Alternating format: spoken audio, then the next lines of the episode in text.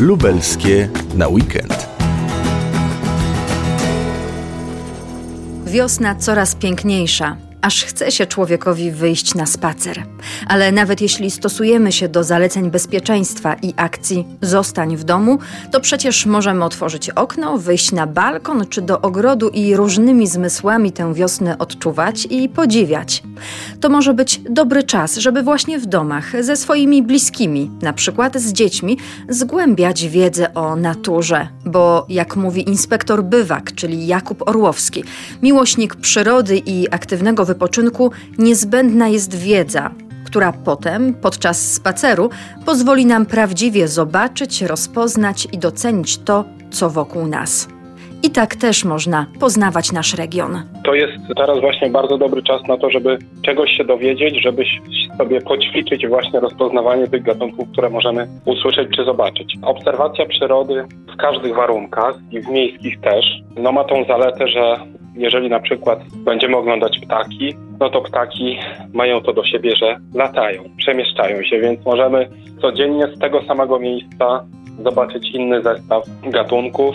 Inne ptaki będą śpiewać o wschodzie słońca, dlatego że szukają sobie teraz miejsc lęgowych w okresie wiosennym, więc y, to się zmienia wokół nas. My nie musimy tutaj pokonywać jakichś wielkich odległości, żeby takie obserwacje były różnorodne. Tak samo rośliny, które kwitną w różnym czasie, z różną intensywnością.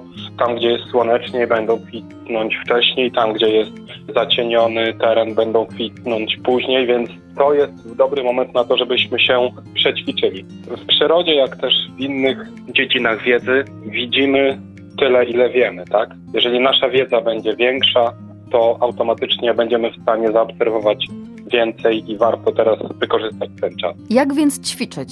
Obserwować ptaki, sprawdzać w internecie, w jakichś atlasach, czy po dźwiękach można je rozpoznać? Na pewno obserwować. Pierwszy krok to jest taki, żebyśmy zapoznali się z tym, na przykład, jakie ptaki są najpowszechniejsze. Są robione listy, więc warto poznać 20-30 najpopularniejszych gatunków ptaków chociażby, które możemy spotkać w mieście wokół nas, zapoznać się z ich dźwiękami, no a później wyjść przed dom, czy na balkon, czy do ogrodu, jeżeli ktoś ma, albo nawet otworzyć okno, posłuchać, zobaczyć, spróbować to nazwać. A jak nie umiemy tego nazwać, to można dalej drążyć, przeglądać właśnie atlasy, czy nauczyć się dźwięków tych ptaków, choćby z internetu, bo takich stron, które prezentują dźwięki najpopularniejszych gatunków jest sporo. No i postarać się tą rzeczywistość przyrodniczą wokół nas jakoś nazwać, choćby tak można to zrobić. Nie ukrywam, że mi najłatwiej jest po wyglądzie rozpoznać gołębia i sikorkę, ale wiem, że to trochę za mało. Proszę powiedzieć, jakie ptaki możemy teraz zobaczyć?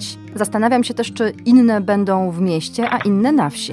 Na pewno będzie tak, że inne ptaki będą w mieście, inne będą na wsi, inne ptaki będą trochę inne będą na osiedlach, gdzie są bloki, trochę inne będą na osiedlach domków jednorodzinnych, gdzie są jakieś ogrody czy krzaki, które teraz no, są pielęgnowane. Ja akurat mieszkam w domku i muszę przyznać, że tutaj ogrodnictwo w tym czasie bardzo jest intensywne więc będziemy mieć piękne ogrody na wiosnę, bo każdy jak tylko może, to te ogrody pielęgnuje. W każdym razie pewnie będzie tak, że te gatunki będą inne. Najwięcej tych ptaków, które teraz możemy zobaczyć czy usłyszeć, no to właśnie będą sikorki, będą wróble, mazurki, będą gołębie, czyli te, które są w mieście, to są gołębie miejskie, grzywacze i sierpówki. No i warto patrzeć też w niebo, bo przelatujących ptaków też kilkanaście gatunków możemy zaobserwować nad Lublinem.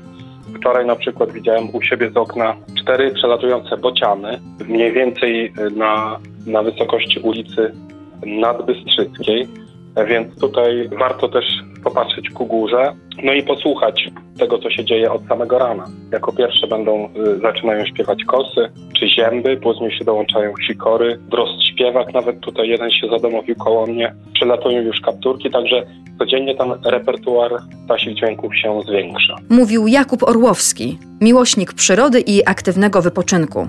Na profilu facebookowym znajdziecie go jako inspektora bywaka lubelskie na weekend.